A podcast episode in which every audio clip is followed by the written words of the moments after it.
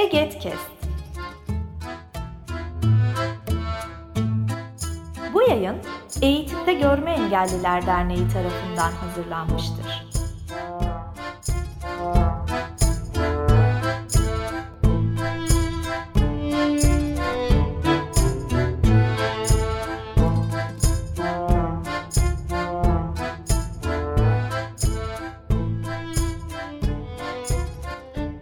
Herkese merhabalar. Ee, Sağdan Spor'un e, bu bölümünde e, atletizm sporuyla ülkemizi ve e, ülkemizi yurt dışında başarıyla temsil etmiş olan e, Oğuz Akbulut ve Öznur Akbulut konuğumuz. Hoş geldiniz öncelikle. Hoş bulduk. Hoş bulduk. Kısaca kendinizden bahsedebilir misiniz? Öznur Hanım'dan başlayalım isterseniz. Ben Öznur Akbulut, 1997 Gaziantep e, doğumluyum. O, ilkokulumu ve ortaokulumu, liseyi Gaziantep'te okudum. Üniversiteyi Sivas'ta bitirdim. Şu an Ankara'da beden eğitimi öğretmeni olarak görev yapıyorum. Oğuz Bey. Ben Oğuz Akbulut. Ben 1992 yılında e, Tokat'ın Erva ilçesine bağlı bir kasabada doğdum. Ee, ilkokulumu ve ortaokulumu ben Tokat Görme Engelliler Mehmet Akif Ersoy İlko- İlkokulu ve Ortaokulu'nda tamamladım. Ee, lise Sivas'ta tamamladım. Üniversiteyi e, yine Sivas'ta tamamladım. Ee, şu an Ankara'da e, öğretmen olarak, beden eğitimi öğretmeni olarak görev yapıyorum. İkiniz de aynı mesleği yürütüyorsunuz. E, kendi alanlarınızla ilgili. Güzel. E, Evet. peki Evet. e, nasıl başladınız e, spora? E, Hanım'dan başlayalım isterseniz. E, Spora ben e, golbolde golbolle başladım. İlk e, Körler Okulu'nda, Gaziantep Körler Okulu'nda golbol oynuyordum. Oradan ilerleyerek sonra daha sonrasında atletizme başladım. Okul bitince atletizmden 2011 yılında milli olup başarılarımı sürdürmeye devam ettim. Şu an ara verdim. Bir bebeğimiz olduğundan dolayı. Daha sonra tekrardan devam edeceğim inşallah. E, golbol mü daha önce başladım dediniz? Evet, golbolle başlamıştım. ne, neden e, spor bıraktınız ya da atletizme neden geçtiniz? Çünkü yani atletizmin atletizmde daha başarılı olacağımı gördüm. Daha e, hızlıydım, daha çok seviyordum. O yüzden atletizme yöneldim. Hem bireysel e, bir branş. Yanlış yaptığınızda sadece sizi kapsıyor. Ama golbolde takım oyunu olduğu için biraz daha zor. Yaptığınız yanlış tüm arkadaşlarınıza e, neden oluyor. O yüzden yalnız yürümeyi daha çok tercih ettim ondan dolayı. Oğuz Bey siz nasıl tanıştınız e, atletizm sporuyla? Ee, ben e, küçüklüğüm çok aktif e, böyle bir, ve yaramaz bir çocukluğum geçiyordu zaten. E, Bayağı aktiftim, bayağı hareketliydim. İlkokulda da bunu e, beden eğitimi öğretmenimiz fark etti. E, o beden eğitimi öğretmenimiz bana hani spor yapmalısın, sen sporun içinde olmalısın diyordu. Tabii o zaman tam olarak hani sporun ne olduğunu tam olarak bilemiyordum ama e, yani zaten doğuştan gelen bir e, yetenekle o sporun içinde her zaman oldum. Ben de aynı e, tüm böyle görme engelli e, insanlar gibi, çoğu insanlar gibi golbolle tanıştım küçük yaşlarda ve ilk e, golbolle devam ettim. E, ve lise dönemlerinde değişik branşlar yaptım. Yine böyle arada iki ay, üç ay halter yaptım. E, golbol ve atletizmle aralıklı olarak devam ediyordum. 2010 yılında Türkiye Şampiyonası'nda e, katıldığım Türkiye Şampiyonası'nda milli takım hocalarımız e, yani ben iyi bir derece koşmamıştım o zaman ama e, milli takım hocalarımız yeteneklisin sen bu işte olmalısın dediler. Orada beni milli takıma yönlendirdiler. Hazırlık kamplarına çağırdılar. 2010 yılından itibaren de e, diğer branşları bırakarak sürekli olarak atletizmle devam ettim. E, yani bir 13-14 seneniz var, doğru mu? E, aynen yani yaklaşık 13-14 senemiz var aynı sporun içinde. Peki e, benim merak ettiğim bir soru daha var. Görme engellilerde atletizm e, nedir? Yani hiç görmeyenlerle e, görenlerin yaptıkları atletizm, e, koşu e, arasındaki farkları biraz anlatabilir misiniz acaba? Hanginiz Ben anlatabilir? hiç görmeyenler açısından anlatayım. Çünkü ben B1 olarak yarışıyorum. Ee, yarışmayı B1 olarak tamamlıyorum. B1 demek yani hiç görmeyen anlamına geliyor ve e, bir, bir kılavuz eşliğinde koşuyorsunuz. Sürekli kılavuzla antrenmanlarınızı tamamlıyorsunuz. Sürekli e, kılavuzla antrenman yapıyorsunuz. Yani ne yaparsanız kılavuzla yapmak zorundasınız. Çünkü uyum sağlamak zorundasınız. E, yarış evresi, evresinde, ondan sonra antrenman evresinde bayağı bir e, zorlu bir süreçten geçiyorsunuz. Yani ama görenler açısından Oğuz açıklasın. Ee, evet ben e, şöyle görme engellilerde atletizm dediğimiz zaman e, uluslararası düzeyde 3 kategoride yarışılıyor görme engellilerde. T11 e, eşimin Öznur'un katıldığı, T12 benim katıldığım ve T13 daha e, iyi görenler. E, 3 kategoride yarışılıyor. Ben e, T12 kategorisinde kısmi görenler kategorisinde yarışıyorum. E, T11 ve T12'de kılavuzlu e, koşular olabiliyor. T11'de mecbur kılavuz koşusu, kılavuzla koşulabiliyor ama T12'lerde benim koştuğum branşta isteğe bağlı olarak kılavuz atlet kullanılabiliyor. E, bu kılavuz atletin de e, tabii ki e, bir sürü dezavantajı ve avantajı bulunuyor. Yani biz T12 kategorisinde e, çoğu sporcu kullanmıyor. Çünkü kılavuzla koşmak, kılavuzla antrenman yapmayı gerektiriyor. Kılavuzla çalışmayı gerektiriyor. Yani iki insanın uyumu da yüzde yüz olmayacağı için yarış performansını da etkiliyor bu kılavuz atlet. E, o yüzden e, kılavuz atlet T12 branşında fazla kullanılmıyor ama T11 branşında kullanılması mecburi. Evet zaten yani hiç e, görmedikleri için e, bu sporla ilgilenenler hani mecbur kullanıyorlar. Kendileri Aynen. koşamayacakları için. Doğru mu? Aynen kesinlikle. Zaten göz bantları oluyor. Göz e, gözlerine önce bir e, bant yapıştırılıyor, sonra üzerine bir de maske takılıyor. Yani hiç bütün e, ışığı fark etseler bile e, onun bütün kategorinin dengelenmesi yani aynı düzeyde hissetmelerini e, isteniyor. Bir kural o, o da. E, T13 var dediniz değil mi bir de? Evet, T13 branşı biraz daha görenler e, kategorisinde. E, onların e, kılavuz, al, e, kılavuz alması zaten yasak. Kılavuz alınmıyor. Ve e, e, aynı e, görenlere, göre, normal atletlere yapılan muamelenin aynısını da onlara yapılıyor. Gören atletlerdeki e, durum aynı. Aynen, Geçerli. aynen, aynen, aynı, aynı muamele onlara yapılıyor T13 kategorisine.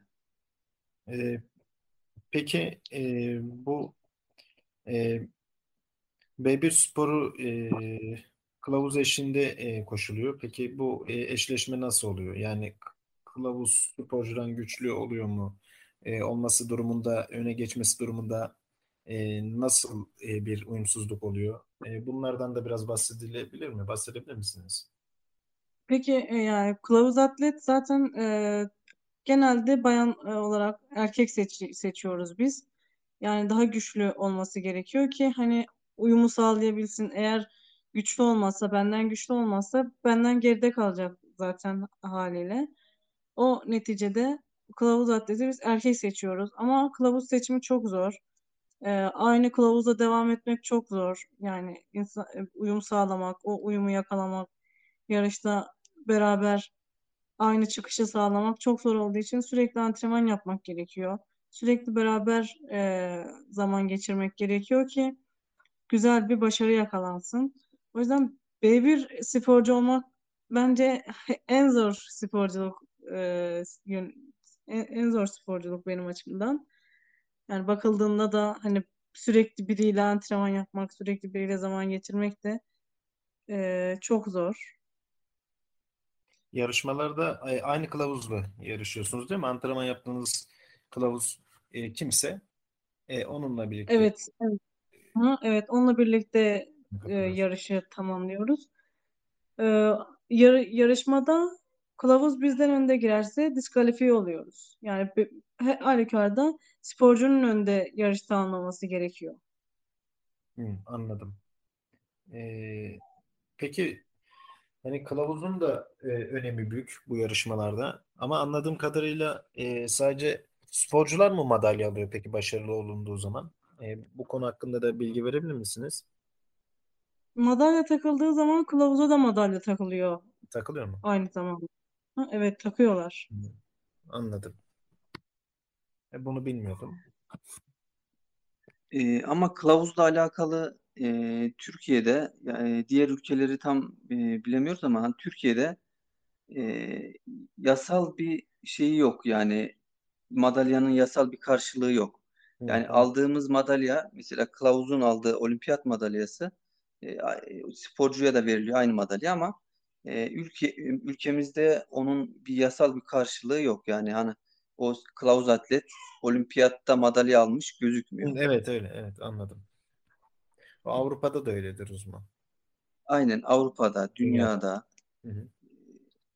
ve Türkiye şampiyonaları e, branşlarda o yapılmıyor. Onun üzerine e, bizim Gençlik Spor Bakanlığı'na e, böyle bakanımıza e, genel müdürlerimize karşı böyle taleplerimiz oldu. Hani kılavuzların şartlarının iyileştirilmesi e, dolayısıyla iyileştirilmesine bağlı olarak da bir sporcuların performansının artması, daha iyi başarılar yapması hani bunu bunu getiriyor zaten kılavuzlara verilen haklar. E, bunun üzerinde çalışmalar yapılıyor e, diye söylendi bize. Bunun üzerinde e, her geçen yıl kılavuzun şartları iyileştiriliyor. İnşallah daha iyi duruma gelir. Peki kılavuzu siz mi seçiyorsunuz yoksa federasyon tarafından bir kılavuz mu atanıyor? Nasıl oluyor? Ee, onu da merak ettim doğrusu. Kılavuzu biz seçiyoruz. Ee, biz ayarlıyoruz. Federasyona benim e, kılavuzum e, şu kişidir diye biz dilekçeyle belirtiyoruz. Nasıl e, peki kriterleri nasıl seçiyorsunuz? Yani kılavuzu nasıl e, buluyorsunuz? E, Mesela ben kısa mesafe koşuyorsam genelde kısa mesafeciyi tercih ediyorum. Çünkü uzun mesafecinin e, verdiği reaksiyonla uzun mesafecinin verdiği reaksiyon arasında çok fark oluyor. O yüzden genelde ben kısa mesafeciyim. Kısa mesafeci tercih ediyorum. Hı, anladım. Şimdi E, bu kılavuz seçimiyle alakalı e, za- e, bizim zaten çalıştığımız antrenörlerimiz oluyor. Antrenörler dışarıdan bir göz olarak e, şimdi bizim e, herkesin koşu stili farklı oluyor. E, bizim B1 sporcunun koşu stiline göre e, dışarıdan bir gözlemle e, en iyi kılavuzu, en iyi koşu, uygun koşu stiline yakın kılavuzu seçip öneriyoruz. Onlara onlara teklif götürüyoruz. Bizle çalışır mısınız diye. Ee, onlar da onaylarsa işte deneme antrenmanlarımız oluyor. Sonra başlıyoruz çalışmalara, antrenmanlara ve devamında yarışlar devam geliyor. anladım. Peki e, Türkiye'de görme engellilerde e, atletizm branşında görenleri oranla e, körlerin yarışı ne sıklıkla oluyor? E, özel yarışlarda düzenleniyor mu? E, düzenlenen yarışlarda e, yani görenlerle birlikte e, yarışmalar olabiliyor mu? E, ne sıklıkla oluyor? Bunlardan da bahsedebilir misiniz? Hmm, Yani bu e, benim ilk başladığım dönemlerde yani 2010 yılı, 2010-11 yılı bu dönemlerde görme engellilerin atletizm branşında yılda bir branş oluyor. Bir, bir, bir yarış oluyor. Türkiye Şampiyonası. E, yakın dönemlerde bir iki yıllık e, dönemlerde e, atletizm Türkiye Atletizm Federasyonu'yla yapılan işbirlikler netice, neticesinde e, bazı ilerlemeler oldu. E, mesela T12 ve T13 kategorisindeki sporcular e, TAF'ın düzenlediği Türkiye'de yapılan federasyon deneme yarışları, rekor deneme yarışları altında bu yarışlara e, katılabiliyor.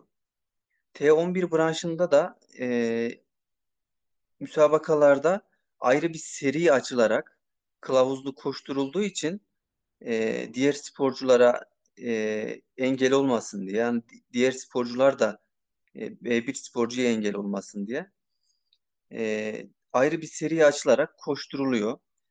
E, yani Türkiye'de yıllık e, faaliyet sayısı bunun sayesinde, TAF'la yapılan işbirlikleri sayesinde e, bayağı fazla oluyor. Anladım. Ee, bir de e, görenler görme engellilere göre biraz daha mı hızlı koşuyorlar? Hani mesela aynı metreyi farklı saniyelerde e, koşuyorlar. E, bunun bundan e, nedenini de öğrenebilir miyim? Yani neden kaynaklanıyor? E, şimdi ben T12 branşında koşuyorum az görenler. E, T12 ve T13 aslında e, uluslararası düzeyde çok fazla bir e, fark yok. E, fazla bir ayrım da yok. E, ama T12'ye sağlanan imkanlar e, pist 8 kul var. E, T12 sporcusuna 2 kulvar veriliyor. Yani kılavuz kullanmasa bile e, o kılavuzun bulunduğu kulvar boş bırakılıyor. E, ama T13 branşında 8 kulvarın 8'i de dolduruluyor. E, o yüzden T12 ile T13 arasında e, fazla bir fark olmuyor. Derece açısından da çok fazla bir fark olmuyor ama T11 branşındaki sporcular e, sprint e, 100, 200 e, branşında çok e, fazla bir fark yok ama mesafe uzadıkça e, bazı faktörler var bunun derecenin e, kötü gelmesinde. Ya bunlardan bir tanesi mesela kılavuz. Mesafe uzadıkça e, bunlar kılavuzun yorulması, sporcunun yorulması, uyumun bozulması, bir anlık bozulma bile e, yani yarım saniyelere yani 0.1 saniyeye mal olsa bile yani bu yarış için çok önemli bir derece olabiliyor. Kılavuzun etkisi derecenin kötü gelmesindeki. Sonra e, şimdi koşarken bir çizgi var. Mesela bizim iç kulvar çizgisi. O çizgiye basıldığı zaman diskalifiye olunuyor. O çizgiye ne kadar e, yakın koşulursa da mesafeden kazanılıyor. Yani optimum düzeyde o çizgiye yakın koşulması gerekiyor. Gören sporcularda yani az gören sporcularda T12 ve T13'lerde e, özellikle T13'lerde o çizgi çizgiyi e, daha iyi görebildikleri için o çizgiye net e, daha yakın koşabiliyorlar ama T10 T11 branşında kılavuz o dengeyi sağlayamayabiliyor. Biraz daha çizgiden uzaklaşıyor, dışa doğru kayıyor. Bu da mesafenin uzamasına ve derecenin e, daha kötü gelmesine neden olabiliyor. Anladım. Ee, peki e, şeyi merak ettim bir de T dedi ne oluyor yani niye T demişler? Hani B1, B2 diye ayrılmıyor da T11, T12 diye ayrılıyor. Onunla ilgili bilginiz var mı acaba? E, yurt dışında e, training baş harfi T olarak kodlanıyor. Koşu e, T11, T12, T13 yani training T'si. E, Türkiye'de de B olarak geçiyor. B1, B2, B3 yani e, blend İngilizce'de hani görme engellinin e, karşılığı olarak öyle kodlanıyor. Blind. Yani değişik Blind kodlama yani. aynı aynı aynı. E, şimdi e, Türkiye'de ve uluslararası da farklı kodlamalar yapılabiliyor. Bunlar e, yaptığı mesela atletizmde yapılan branşa göre de değişiklik gösterebiliyor. Koşuda T oluyor, atmalarda F oluyor. E, ama son sondaki kod 10, 11, 12, 13 diye devam ediyor. Ve bu kodlamalar atletizm engelliler olduğu için genel kapsıyor. Bu görme engelli, zihinsel, bedensel ve spastik engellileri de kapsıyor. E, ilk baş harfi T, diğer e, rakamlar değişebiliyor. 11, 12, 13, 20'ler, 30'lar, 40'lar diye değişebiliyor. O engelinden enge- e, engeline göre değişiyor, doğru mu? Evet, engeline göre değişiyor. Sondaki rakam değişebiliyor. Anladım. İkinize de ortak sormak istiyorum. Ee, yarışlara hazırlanırken antrenmanları nasıl yapıyorsunuz? Yani nasıl bir süreç geçiriyorsunuz? Ee, anlatabilir misiniz acaba? Yani ben söyleyeyim e, ilk olarak. çok zorlu süreç oluyor. Özellikle B1 hani den bahsedince hani kılavuz da işin içine girdiği için beraber uyum sağlamak, beraber e, eş zamanlı aynı antrenmanlara çıkmak e, bizim için çok zor oluyor. Sürekli aynı yerdesiniz, sürekli yan yanasınız ve hiçbir sosyal aktiviteniz olmuyor. Sürekli antrenmanlara bağlısınız. Sabah akşam antrenman yapıyorsunuz. Bayağı zorlu bir süreç içinde devam ediyorsunuz yarış, yarışlara kadar. Ve atletizm çok e, bizim deyimimize çok nankör bir branş. Bir gün yapmasanız üç gün yapmamış gibi e, oluyorsunuz. O yüzden bir gün bile ara veremiyorsunuz antrenmanlara. Dinlenme süreciniz e, sürekli e, şey yani oteldesiniz. Sürekli kaldığınız yerdesiniz. Otelde kamp eğitim merkezindesiniz. Veyahut da evdeyseniz evden dışarı çıkmıyorsunuz. Yani bir e, şuraya gideyim deseniz bile çok halsiz olup çıkamıyorsunuz dışarı. Sürekli bir e, antrenmana bağlısınız. Hani biri bir şey yapalım dese diyorsunuz ki benim antrenmanım var gelemem. Benim antrenmanım var yapamam deyip e, yani insanlardan da uzaklaştırıyor biraz ama insan e, sevdiği işi yapınca gülü seven dikenine de katlanıyor yani. E, doğru yani biraz da e, sabır göstermek gerekiyor. E, böyle Evet. şeyler yapıldığı zaman da diye düşünüyorum. Oğuz Bey siz e, nasıl bir e, süreç geçiriyorsunuz yarışmalarda e, katılırken antrenman süreciniz nasıl ger- gerçekleşiyor? Hmm, Şimdi bizim e, milli sporcu olduğumuz için uluslararası düzeyde e, ortalama her yıl bir üst düzey bir yarış oluyor. Yani bunun e, Avrupa Şampiyonası, Dünya Şampiyonası, Olimpiyatlar gibi, Paralimpik oyunlar gibi. E, özellikle bunlar hazırlanırken daha farklı bir e, psikoloji ve antrenman e, programı içerisine hazırlanıyoruz, programla hazırlanıyoruz. E, tabii ki bu hazırlıklar e, biz Temmuz-Ağustos ayında yapılacak bir e, yarışa bir yıl önce, yaklaşık bir yıl önce başlıyor. Yani bunun bir yıl önce başlıyoruz bir yarışa. Yani biz sporcular arasında kendimiz konuşurken atletler arasında diyoruz ki yani atletizm zor bir branş. Yani bunun zorluğunu mesela şöyle diyebilirim. Mesela 0 nokta saniyelerle 0.1 saniye için e, bazen bir yıl çalışıyoruz. Yani bir yıl. E, bu bu cidden e, bizim için zor bir şey. E, sürekli e, o üst limiti zorlamak, üst limiti sürekli zorlamak yani insanın psikolojisini e, fizik fizik olarak zorluyor, fiziksel olarak zorluyor. E, tabii ki büyük yarışmalara hazırlamamız daha farklı oluyor. Bir yıl önce başlıyor dedik. E, öncelikle e, uzun koşularla e, aerobik kapasitemizi geliştiriyoruz. E, sonra e, yarışa yaklaştığı zaman, yarışa yaklaşırken daha kısa koşularla, daha sprint koşularıyla süratimizi arttırıyoruz. Yani hep bir yoğunluk içerisinde oluyor. Ortalama her 6 gün antrenman yapıyoruz haftada. Ee, tabii sürekli kamp ortamları oluyor. Yarış e, yarışa hazırlanmak için e, değişik illerde, değişik bölgelerde kampa giriyoruz. E, bu da e, sürekli yer değişikliği, antrenman programı değişikliği bizi tabii ki zorluyor. Ama sonucunda büyük yarışların tabii ki hazırlanması da zor.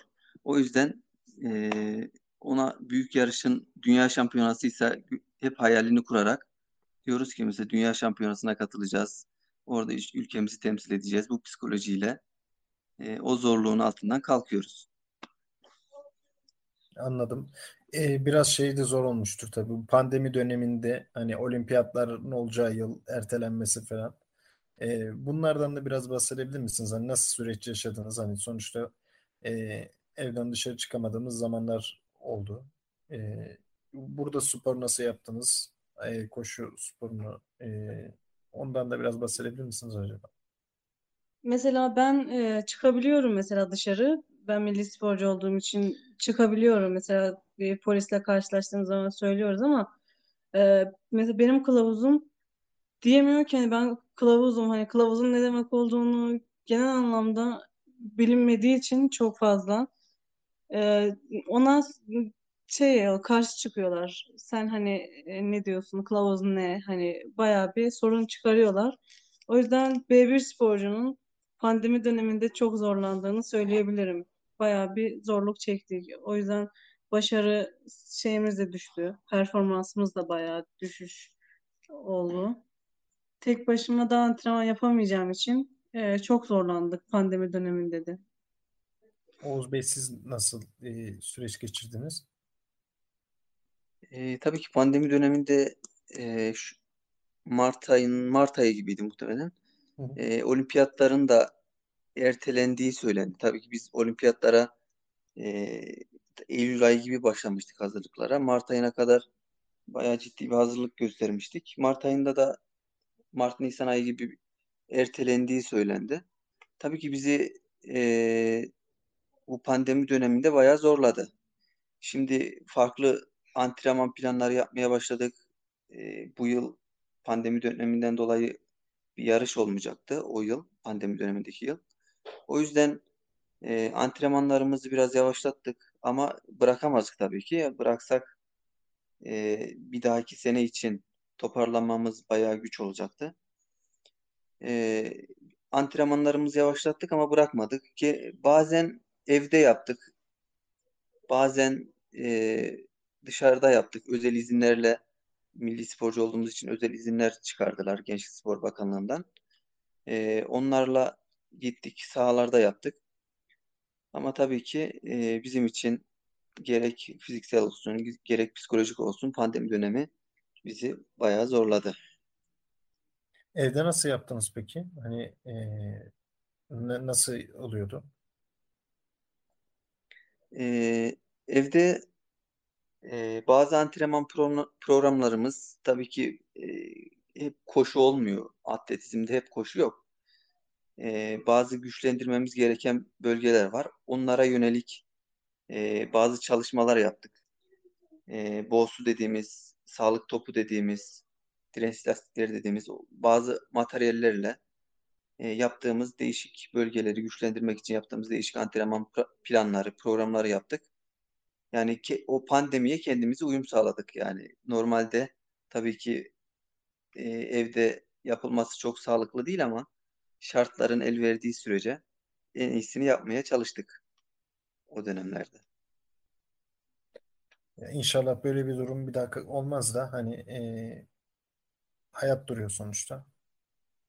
İnşallah inşallah. Çok zor bir süreç geçirdik. Zor bir dönem geçirdik. İnşallah bir daha olmaz, biter. Kurtuluruz yani. Aynen inşallah. Peki e, biraz sporla ilgili konuştuk. Biraz başarılarınızdan da konuşmak istiyorum. E, ilk e, aldığınız madalyada ne hissettiniz? Yani nasıl bir e, duygusal süreç yaşadınız? Bir de e, aldığınız madalyalarla ilgili de biraz bilgiler verirseniz sevinirim. Ben ilk 2014 e, yılında Avrupa Şampiyonası'nda 3 altın madalya almıştım 100, 200, 400 metrede. E, çok o zaman da daha küçüktüm. Çok mutlu oldum. Çok sevindim. Gerçekten benim için en e, güzel süreç, en mu- mutluluk verici süreç 2014'teydi. Çok sevmiştim. E, çok mutlu olmuştum. Yani o duyguyu anlatamam çünkü tarifi yok. E, çok güzeldi. En çok sevindiğim dönem de 2014 yılıydı madalya aldığımda. Benim e, 4 Avrupa şampiyonluğum var. E, 3 dünya oyunlarında üçüncülüğüm var. E, bir kere 2016'da Rio olimpiyatlarına katıldım. Böyle benim başarılarım böyle. Anladım. Oğuz Bey siz peki? 2010 yılında başlamıştım sürekli olarak atletizme. Ee, benim başlama hikayem milli takım antrenörlerimizin derecem çok iyi değildi ama yeteneklisin sen bir hazırlık kampına çağıralım demişlerdi. Tabii ki o beni çok aşırı böyle istekli, aşırı böyle motivasyona soktu beni. Ee, çok sıkı bir şekilde çalıştım ve 2012 yılında e, ilk Avrupa'da üçüncülük madalyası aldım.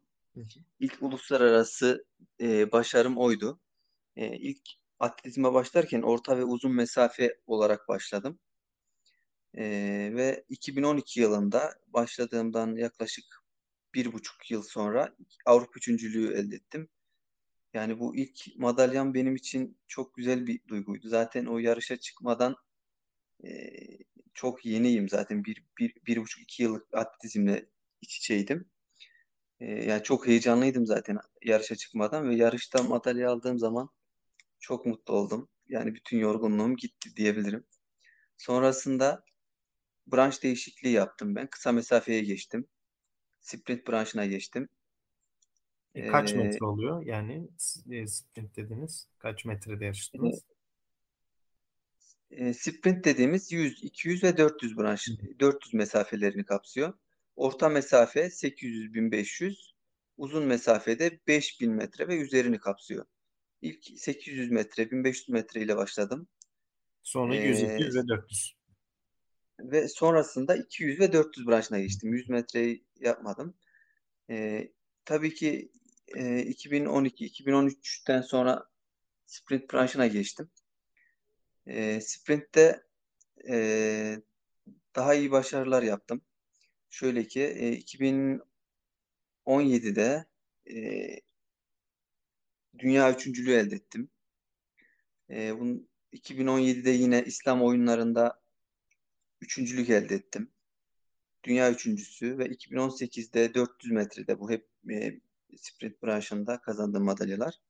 400 metrede Avrupa şampiyonluğu, 2018, 2019 yine dünya üçüncülüğü, 2020 yine Avrupa şampiyonluğu ve bununla beraber şampiyona rekorları e, beraber geldi.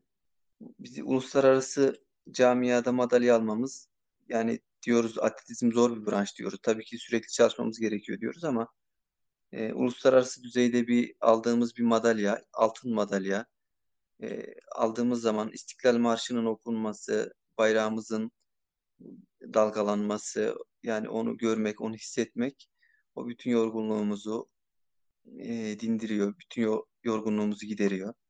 O çok güzel bir duygu. E, başarılarım bunlar ve en son olarak da Tokyo ertelenen Paralimpik oyunları 2021'de yapıldı. E, ona katıldım. E, yine e, madalya alma almak için katıldım. Hedefim oydu. Ama derecelerimiz de onu gösteriyordu ama e, bir şanslılık, talihsizlik diyelim. Beşinci olabildim. İnşallah ileride 2024 Paris var. E, hedefimiz oralar inşallah. İnşallah. Öznur Hanım siz devam etmeyi düşünüyor musunuz? E, ara verdim demiştiniz. Hani e, Ha, evet ben tekrardan devam etmeyi düşünüyorum. Çünkü e, spor benim için her şey. E, sporla çok mutlu oluyorum. Ara verince şunu anladım. E, spor gerçekten ben demekmiş yani. e, peki e, dinleyicilere söylemek istediğiniz bir e, şey var mı? Nasıl yani spora başlamak isteyenlere önerileriniz de olabilir belki.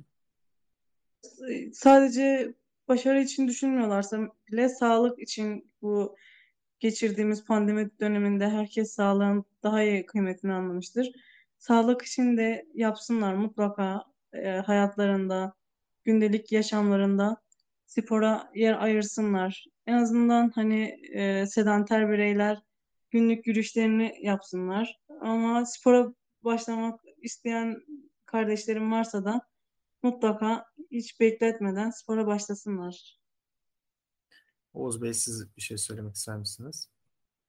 E, tabii ki e, bizim için e, bizim çerçevemizden sporun baktığımız zaman spora tabii ki biz bizim gözümüzden farklı gözüküyor. E, ama e, herkesin yapması gerekiyor bence. E, şu, tabii ki herkes performans sporu yap- yapacak diye bir şey yok. Çünkü e, herkesin yetenekleri farklı olabilir. Yani kimisi atletizme, kimisi farklı branşlara yetenekli olabilir. E, ama sporun içinde olmak hem sağlıkları için hem psikolojileri için iyi gelir. Özellikle e, engelli birey, engelli vatandaşlar, engelli arkadaşlarıma e, sporun içinde olmalarını en azından haftada yani iki kere, üç, üç defa, e, üç gün yani spor yapmalarını tavsiye ediyorum. E, bunu e, yaşamlarına uyguladıkları zaman kendi yaşam kalitelerini arttırırlar, kendilerini iyi hissederler. E, bunları yaşamış görmüş biri olarak tavsiye ediyorum. İnşallah eee, sizler de tekrardan başarılarla birlikte devam edersiniz. Çok güzel bir eee, sohbetti, çok keyifliydi. Eee, teşekkür ederim kırmayıp eee, Bizler katıldığınız için. Aslı biz teşekkür ederiz böyle bir camiada, e, böyle bir ortamda bizi ağırladığınız için. Çok teşekkür ediyorum. Çok güzel bir sohbetti. Sağ olun, çok teşekkürler. Evet, ederim. Ege, Ege Sağ'dan eee, podcast'in eee, bugünkü konu eee, Oğuz Akbulut ve Öznur Akbulut'tu. Kendilerine çok teşekkür ediyorum. Eee, bir sonraki programlarda görüşmek üzere. Hoşçakalın.